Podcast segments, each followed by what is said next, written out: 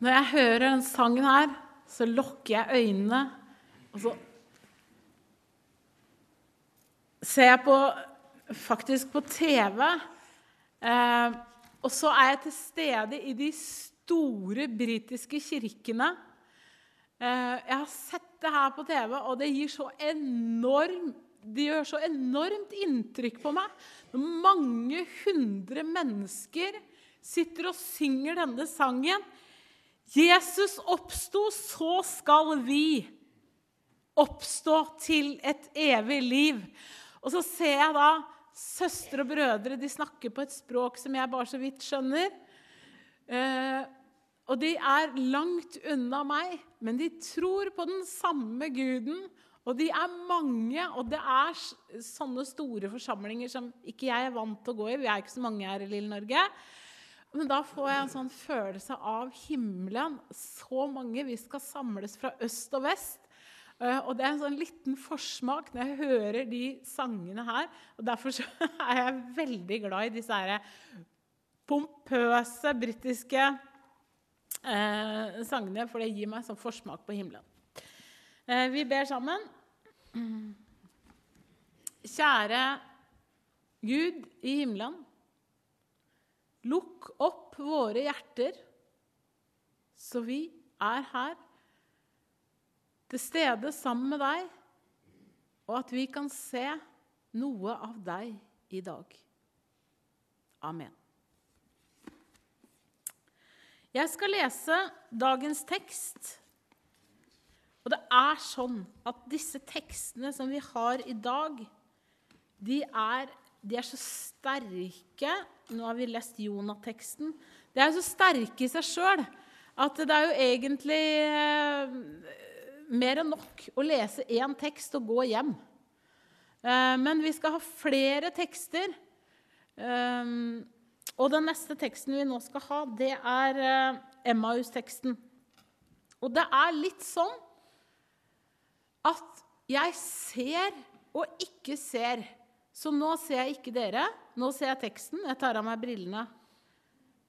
og så tenkte jeg ja, men det er faktisk noe av det jeg skal snakke om i dag. Eh, så det handler litt om å se og ikke se. Så nå skal jeg se teksten og ikke dere.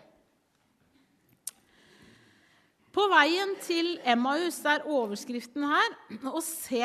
To av dem var på samme dag på vei til en landsby som het Emmaus, som ligger 60 stadier fra, fra Jerusalem. De snakket sammen om alt det som hadde hendt, altså det som hadde hendt med Jesus. Men slik de talte sammen og drøftet dette, skjedde det at Jesus selv kom nær og begynte å gå sammen med dem. Men øynene deres ble holdt igjen, slik at de ikke skulle kjenne ham. Han sa til dem, 'Hva er det dere går og snakker med hverandre om på veien?' 'Og hvorfor så ser dere så sørgmodige ut?' Den ene av dem, som het Kleopas, svarte og sa til ham, 'Er du den eneste fremmede i Jerusalem? Og har du ikke fått kjennskap til alt det som har hendt i disse dagene? Og Da svarte Jesus og sa til dem, 'Hva er det?' Da sa de til ham, 'Alt det som har hendt med Jesus fra Nasaret.' Han var en mann som var en profet. Han var mektig i gjerninger og ord for Gud øh, og for hele folket og hvordan øverstepresten og rådsherrene overga ham til å bli bedømt til døden og korsfesta. De korsfesta Jesus. Men vi håpet at det var han som skulle forløse Israel. Dessuten er det i dag den tredje dagen siden alt dette skjedde. Ja, og noen kvinner iblant oss som kom tidlig til graven, har oppskaka oss. De hadde ikke funnet kroppen hans men kom og sa at de hadde sett et syn av engler som sa at han lever. Noen av dem som var sammen med oss, gikk da til graven, og de fant det nøyaktig slik som kvinnene hadde sagt, men han så det ikke noe til. Da sa Jesus til dem, hvor uforstandig og trege eh, av hjerte til å tro alt det som profetene har sagt. Måtte ikke Kristus lide alt dette og så gå inn til sin herlighet? idet han begynte fra Moses og fra alle profetene, utla han for dem eh, alt det som er skrevet om Jesus i Skriftene. Så nærmet de seg landsbyen som de skulle eh, til, og han ga uttrykk for at han skulle gå videre. Men de holdt han tilbake, og så sa de, 'Nei, men bli hos oss, for det blir mot kveld, eh, og dagen er snart over.' Og da gikk han inn for å bli med dem, eh, bli hos dem. Og det skjedde mens han satt til bords sammen med dem, at han tok et brød, velsignet det, brøt det og ga dem. Da ble deres øyne åpnet, og de kjente han igjen. Og han ble usynlig for dem. De sa til hverandre, brant ikke hjertene våre i oss da han talte med oss på veien, og da han åpnet Skriftene for oss? Så brøt de opp med det samme og vendte tilbake til Jerusalem. Og der fant de elleve, de elleve disiplene, eller apostlene, og dem som var sammen med dem. Og de sa, 'Herren er virkelig oppstått, og han har vist seg for Simon.' De fortalte alt det som hadde hendt på veien, og hvordan de gjenkjente Jesus da han brøt brødet. Jeg tenker meg at denne talen eh, har tre eh, områder som eh, går over i hverandre. Og Den første som jeg skal begynne med, det er den konkrete teksten. Den andre det er et enormt stort område som jeg bare skal bitte, bitte, bitte, bitte litt inn på. Og det er Guds egenskaper. Og det tredje, som også er et sånn enormt område, som jeg skal touche litt inn på, det er å vandre med Jesus. Konkret, det som skjer i teksten, er, er jo de to som vandrer. Eh, de er ikke av apostlene, men de er disipler. Og Det betyr at dette er mennesker som har fulgt Jesus. De har sett eh, undrene, de har sett tegna, etter all sannsynlighet. Og I teksten så står det også at han ene han er navngitt, han het Kleopas. Og fra gammelt av så, så, ble han regna som Jesu onkel, altså bror til Josef, Marias mann. Eh, sånn at eh, han Jesus er ingen fremmed for disse her. Dette er mennesker som har sett, som har fulgt. Og vi vil kanskje kalle de det vi vil kalle i dag, de er kristne. De vet, de. Og de har fulgt ham. De kjenner hans egenskaper. De kjenner Skriftene, og de har fulgt den. Og de har fulgt den helt gjennom dette her. Men når han kommer sammen med dem på veien, så ser de den ikke. De skjønner ikke hvem han er. Men det er ingen åpenbar grunn til det. Og som sagt så er sannsynligvis også han ene onkelen hans. Kjent den fra han var bitte liten. Eh, så er det mange ting vi kunne ta opp i det med at de går eh, på den veien. Det er en lang vei, osv., eh, osv. Og, og det skal jeg ikke gå, gå inn på. Men det jeg har lyst til å snakke litt om, det er da Guds egenskaper. Fordi at det står Eh, at da ble deres øyne åpnet, og det begynner vel med at det står at deres øyne var forblindet. Eh, jeg tenker meg at denne talen her er mer fylt av spørsmål enn av svar. Og det kan godt være at de som er teologer, kan gi gode svar på disse tinga her. Men nå er det nå jeg som står her. Um, og Guds er det Hva er det som gjør at ikke de ser? Det tror jeg kan være flere grunner. Men her så syns jeg det tyder veldig på at det er en egenskap ved Gud. Det er faktisk Gud som gjør at de ikke ser. Og det står veldig tydelig da ble deres øyne åpnet. Og det er så mye som tyder på at de skulle ha sett og kjent Jesus. Han, hadde, han, var så karakteristisk, den mannen. Bare det at han ikke var vokst opp i Nasaret. Han hadde kanskje en dialekt eh, som tyda på at han var vokst opp et annet sted. Han var mye mer lærd enn det veldig mange ikke sant? Det var veldig mange tegn som tyda. Så de skulle ha kjent den. Så dette gjør at jeg tror at dette her er Gud som har forblinda øynene på dem. Og Derfor skal jeg lese en annen historie. Og da er jeg bråkjekk. For det er en historie som er vanskelig teologisk. Så er det denne historien her. Men vi skal ikke henge oss opp i det som er vanskelig. I dag skal vi henge oss opp i det som er fantastisk med denne teksten. Og jeg skulle ønske det var masse barn her, for denne historien her føler jeg meg litt snytt for at ikke vi hadde i bibelhistorien. Kanskje den sto der, kanskje det var jeg som ikke fikk med meg. Men i hvert fall, det er en kjempefin tekst. Og nå ser jeg ikke dere igjen, nå ser jeg teksten. Og det står da i Fjerde Mosebok, eh, vers 22 I kapittel 22. Stemmer det, faktisk? 22, 22. Så lett å huske. 4, 22, 22. Ja.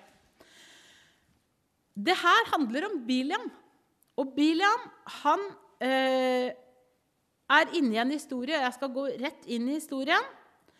Eh, og da står det Da ble Guds vrede opptent fordi han dro. Og Herrens engel stilte seg på veien som hans motstander. Han kom ridende på eselet sitt og hadde to tjenere med seg. Da fikk eselet øye på Herrens engel, som sto på veien og eselet sto med et dragent sverd i handa. Nei, eh, eselet, nå sa jeg feil. Det er godt jeg oppdaga det sjøl. Men engelen står altså sånn med et sverd. Men eselet oppdager det og går ut av veien og ut på marken for at ikke engelens sverd skal drepe Biliam. Da blir Biliam sint og slår eselet for å få det tilbake på veien.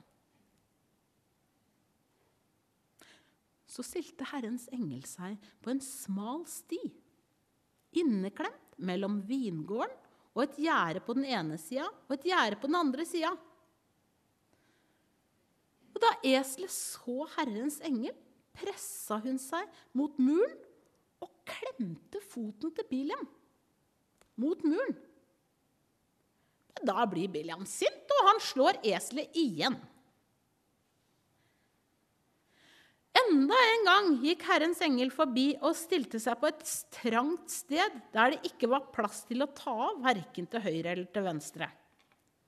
Da eselet fikk øye på Herrens engel, la det seg rett ned. Og da stupa vel kanskje Biliam, eller kanskje han klarte å holde seg på. Men da blei Biliam så sint igjen, og han slo eselet igjen med staven. Da åpnet Herren munnen på eselet. Og hun sa til Biliam, Hva er det jeg har gjort deg, siden du har slått meg tre ganger? Biliam sa til eselet, Fordi du har holdt meg for narr. Jeg skulle ønske jeg hadde et sverd i hånda, så skulle jeg drept deg. Og det her er jo ironisk, for eselet redder jo Biliam fra sverdet. Så sa eselet til Biliam, er ikke jeg ditt esel som du alltid har ridd på til i dag? Har jeg noen gang hatt for vane å gjøre noe mot deg? Og Biliam sa nei. Da åpnet Herrens, Herren øynene til Biliam, og han så Herrens engel som sto på veien med sitt dragne sverd i hånden. Og Biliam bøyde seg og falt ned på sitt ansikt.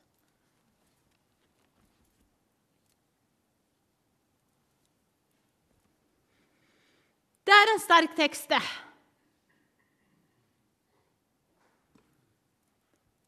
Biliam han er så menneskelig at det går nesten ikke an. Han rir på han skal fort fram. Og så er det tre ganger som veselet prøver å stanse den.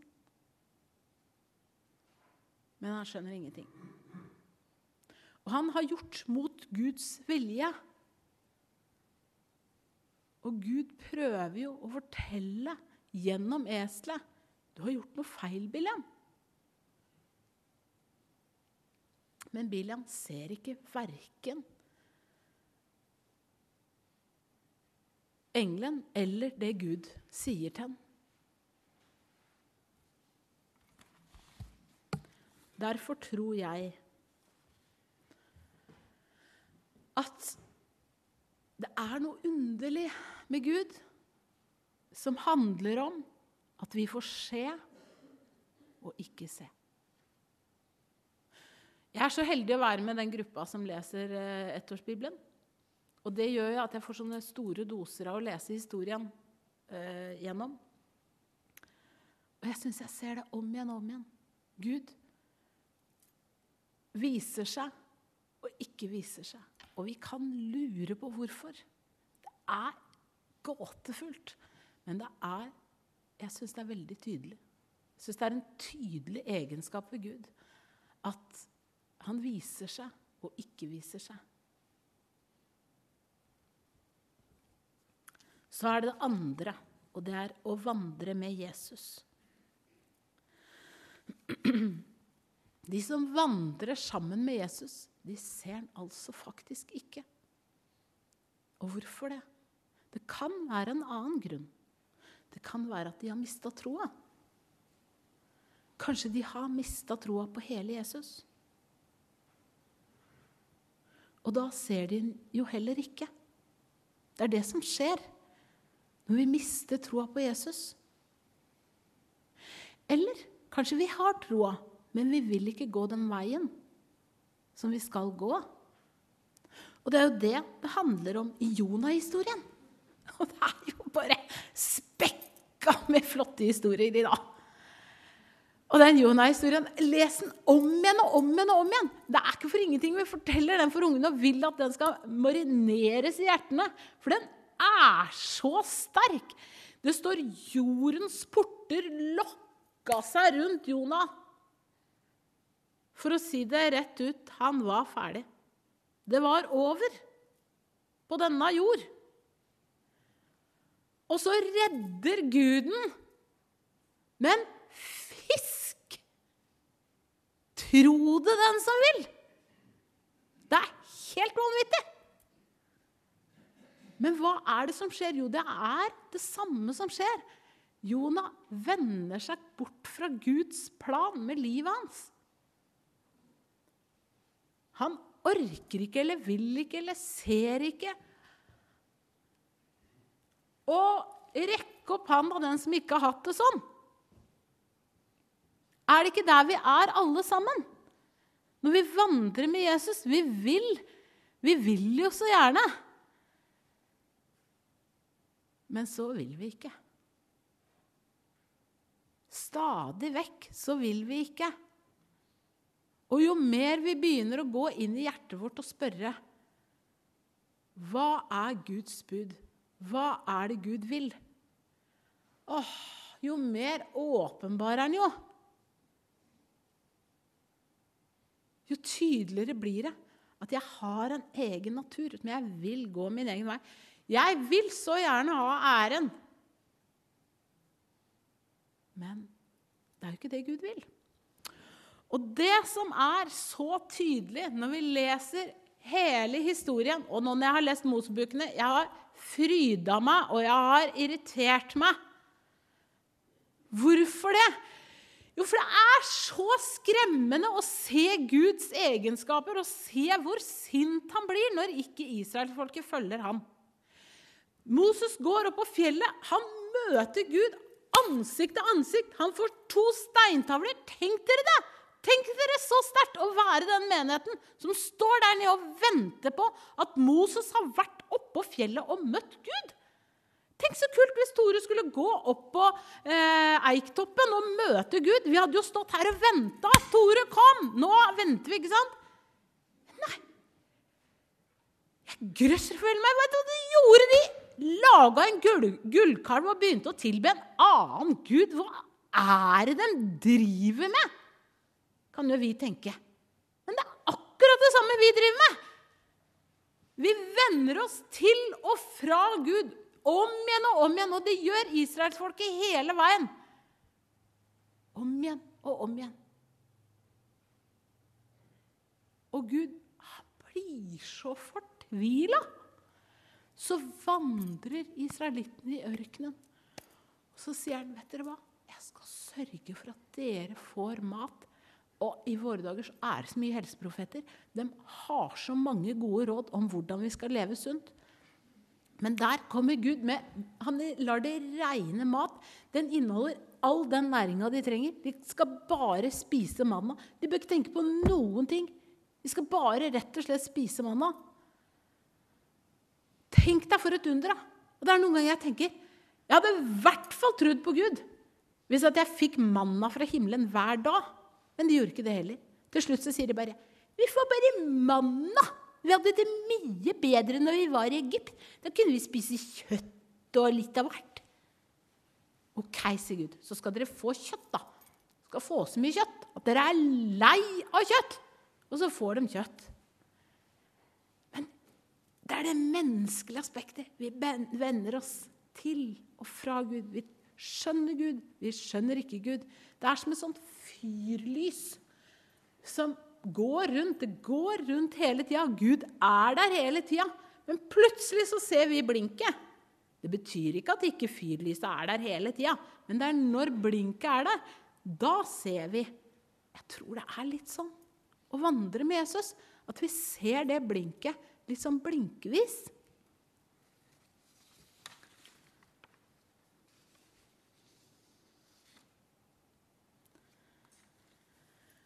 Israelsfolket, de er jo Guds, eh, Guds folk. Og Gud skal føre dem inn i Israel. Og de vender seg fra Gud til Gud, gjør mye. Og vi kan lese hele historien. Eh, hvis dere ser på en film, så ser dere at det er sånn Ta en kjærlighetsfilm. Det er det enkleste oppbygninga. ikke sant? Det er derfor det er laga så veldig mye av det. En kjekk mann, en søt dame som forelsker seg. Og så kjenner dere historien. Men det som veldig ofte skjer i nesten all film, det er at det er en parallellhistorie. Så kanskje det er fuglered, eh, to fugler så ser du da den ene fuglen som er på det ene stedet, og så ser du den andre fuglen på den andre stedet. Hvis de ender opp med å bygge rede, da skjønner du hva som skjer med de to som er forelska. Da kommer de også til å bli kjærester. ikke sant? Fordi at parallellfortellingen forteller at disse blir kjærester. Men hvis parallellfortellingen forteller at nei, det ble bare krangel og bråk, så kan du kanskje skjønne at, det, sånn, at dette går ikke så bra. Israels historie er vår parallellfortelling. Det er hvordan Gud fører folket til Israel. Så kommer Jesus. Ny pakt. Og nå er vi på vei til himmelen.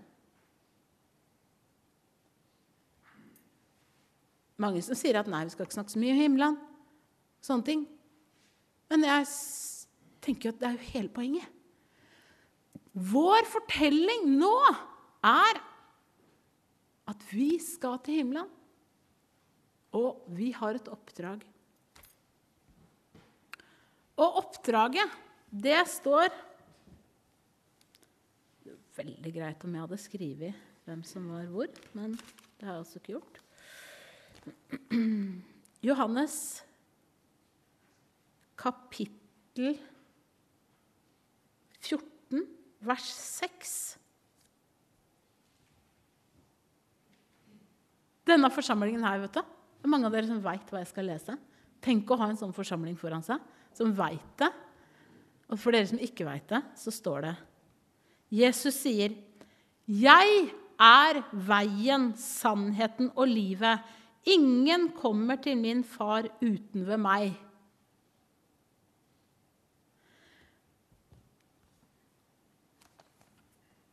Livet vant, dets navn er Jesus, hadde de snudd på det i den sangen vi sang. Jesus døde og sto opp igjen fordi at han er veien til himmelen. Han er veien til far. Og så er det neste eh, jeg skal lese, og det står i Efeserne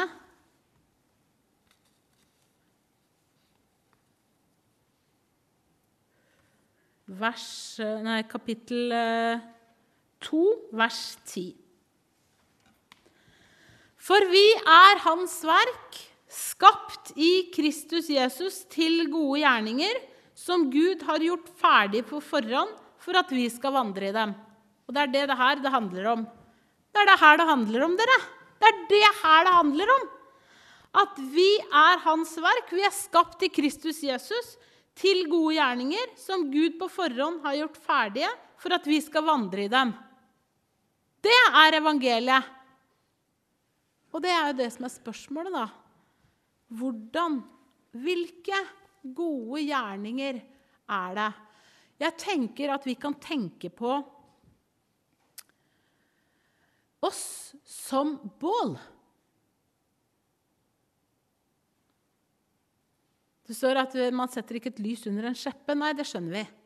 Men det vi, det vi skal gjøre, det er at vi skal se på oss som bål. Og så må vi fyre på disse båla. Vi må holde bålet varmt. For når vi holder bålet varmt, så får vi se hvilke gjerninger har Gud lagt foran oss. Historier fra mitt liv hvor jeg har sett at Gud har vist seg. Jeg maler bilder. Så hadde jeg malt et bilde som var eh, nesten ferdig. Det var ikke helt ferdig. Jeg følte det ikke var helt ferdig. Så satte jeg det oppå pianoet, og så sto det der. Og det hender jeg gjør da, for å liksom skjønne hva er det som skal skje til slutt. Hva er det da jeg ser? Liksom? Hva er det som, hvilke brikker er som eh, mangler? Og så har jeg en sånn Jesusfigur hvor Jesus står sånn. Han står sannsynligvis på vannet. Det er sannsynligvis eh, Tanken er eh, det at han går på vannet. I hvert fall så står Jesus sånn. Og så sto den i vinduet, og så kom kveldssola og lyste på Jesusfiguren. Og så kom skyggen av den figuren og lyste på det bildet. Og da gikk jeg bare rett inn, og så malte jeg med en sånn gullstøvaktig eh, malte jeg bare Jesus på det bildet. Og da var det bildet ferdig. Men vet dere hva? Det som er så sterkt, det er at på det bildet så er det sånn at hvis du ser bildet fra én vinkel, så ser det bare ut som det er en sånn skjolde på bildet. Og så når du begynner å gå og se på bildet, så plutselig så dukker Jesus opp. Og jeg har den i galleriet mitt, og jeg vet ikke hvor mange mennesker jeg har vist det til. Vi går, og så sier jeg ja, gå bort dit. Nå går vi sammen. Så ser du ditt. Og så ser du. Og så plutselig så dukker Jesus opp. Det er sånn det var med Emmaus-vandrerne. De gikk, og så fikk de se Jesus. Det er oppdraget vårt. Å holde bålet vårt varmt. Å holde oss nær til Jesus, så vi kan fortelle andre. Og oppskriften det tror vi ofte er. Og gå rundt og se på andre. Nå må dere følge med, nå må dere høre hva jeg sier, så ikke dette blir misbrukt. Det er mange som tror at oppdraget vårt det er å gå rundt og se hva alle andre gjør. Og se om alle båla, og se åssen ved de bruker. Og se hvordan de gjør det. Og Herland Dussen jeg har gjort det sjøl, altså. Han der kunne vel vært litt mer kristen, vel? Han kunne vel hatt litt dårligere bil, kanskje? eller? Er han ikke litt høy på seg sjøl, han der? Men da går jeg jo fra mitt eget bål. Mitt bål, det står her. Vi skal gjøre gode gjerninger, vi. Det er vårt oppdrag. Og så har Jesus lagt dem foran oss. Det kan kanskje være at det er å tale vår neste til rette. Og det var det en som gjorde til meg her om dagen. Han sa, 'Vet du hva, jeg, jeg, har, kom, jeg har, blitt så opptatt av det, Anne Marte, at vi ikke skal dømme.' Eh, ja, det har du nok, ja. Det var nok kanskje fordi du oppdaga nå at jeg satt og dømte, tenkte jeg etterpå. Og det var helt riktig. Det var det jeg gjorde. Jeg satt jo og dømte noen. Og heldigvis Han var klok, han vennen min. da. Han sa ikke han, Martha, nå må du slutte å dømme, da. Han sa ikke det. Men han sa at han hadde blitt veldig opptatt av det og sa det på en veldig varm og fin måte. Men jeg skjønte budskapet veldig godt. Eh, så noen ganger så kan vi jo det. Men stort sett så det vi skal gjøre, det er å holde vår flamme levende. Vet du hva? Det var jo veldig flaks, men at jeg tok jo ikke med eh, klokka opp her. Så kanskje vi blir sittende her i dag. Jeg skal fortelle én historie til om eh, gode gjerninger. Eller gjerninger. Hvordan viser Gud seg? Det vi ser og ikke ser Det er noen ganger vi ikke ser det med en gang. Jeg var inne i en bokhandel. Fikk jeg med meg denne boka opp, tror du? Nei, jeg skal gå ned og hente den. Jeg var inne i en bokhandel. Vi var, på, uh, vi var på tur, og jeg hadde litt lite å gjøre. Så jeg fant ut at jeg ville ha meg en bok. Uh, og da var det litt sånn um, kanskje en mening at den var oransje på ryggen, eh, så den syns godt. Men så tok jeg denne boka her, og der sto det 'I Frans av Assissis fotspor'. Det syns jeg hørtes spennende ut. Så nappa jeg med meg den og kjøpte den og begynte å lese den. Hva skjedde videre? Jo, i den så står Frans Assisis bønn. Og Den kjente jeg fra før, men jeg fikk møte den på nytt så malte jeg en stor utgave av den. Og ble veldig, veldig glad i denne bønnen på nytt. Hva den bønnen skal brukes til, det vet jeg ikke. Men Gud har foreløpig bare åpenbart meg noe. Sånn er det i ditt liv òg. Du har ditt bål. Ditt bål er kanskje Kanskje det er å gå på skole. Kanskje det er jeg vet ikke hva det er. Men ditt bål, det er å gå sammen med Jesus. Lese i Bibelen, holde bålet ditt varmt. Gjøre de gode gjerninger som Gud har lagt foran deg, og holde budene. Det står veldig tydelig i Gamle testamentet. Ja, hva er det du krever da, Gud? Jo, det er å holde budene.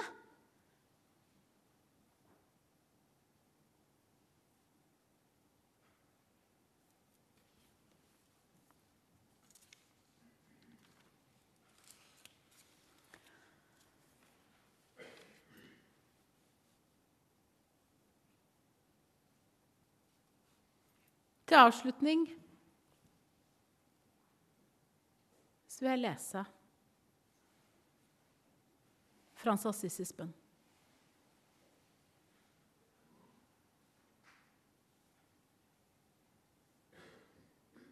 Ikke fordi at jeg har fiksa denne her, altså. Ikke fordi at jeg har fiksa denne her. Ikke fordi at jeg føler at denne her har jeg fått til, så da kan jeg fortelle dere den. Nei fordi at denne, den må jeg jobbe med resten av livet. Og det er vel fare for at det er sånn med noen av dere. Denne må vi jobbe med hele livet. Og derfor så vil jeg gjerne bre ut den bønnen enda mer.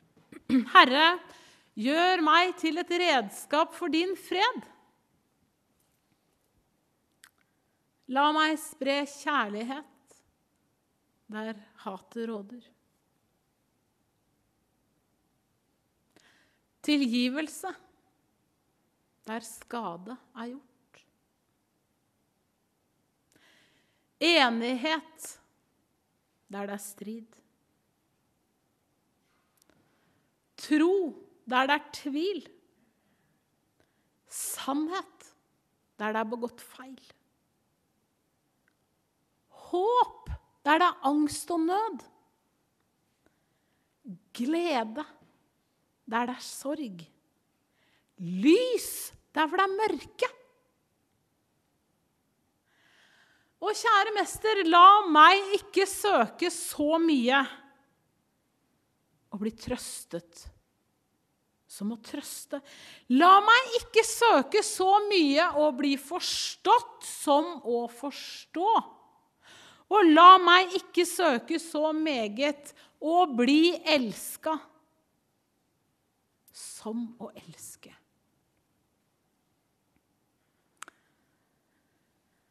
For det er når vi gir, at vi får.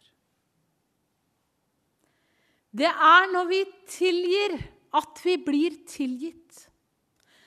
Det er når vi er fortapt, at vi finner oss selv.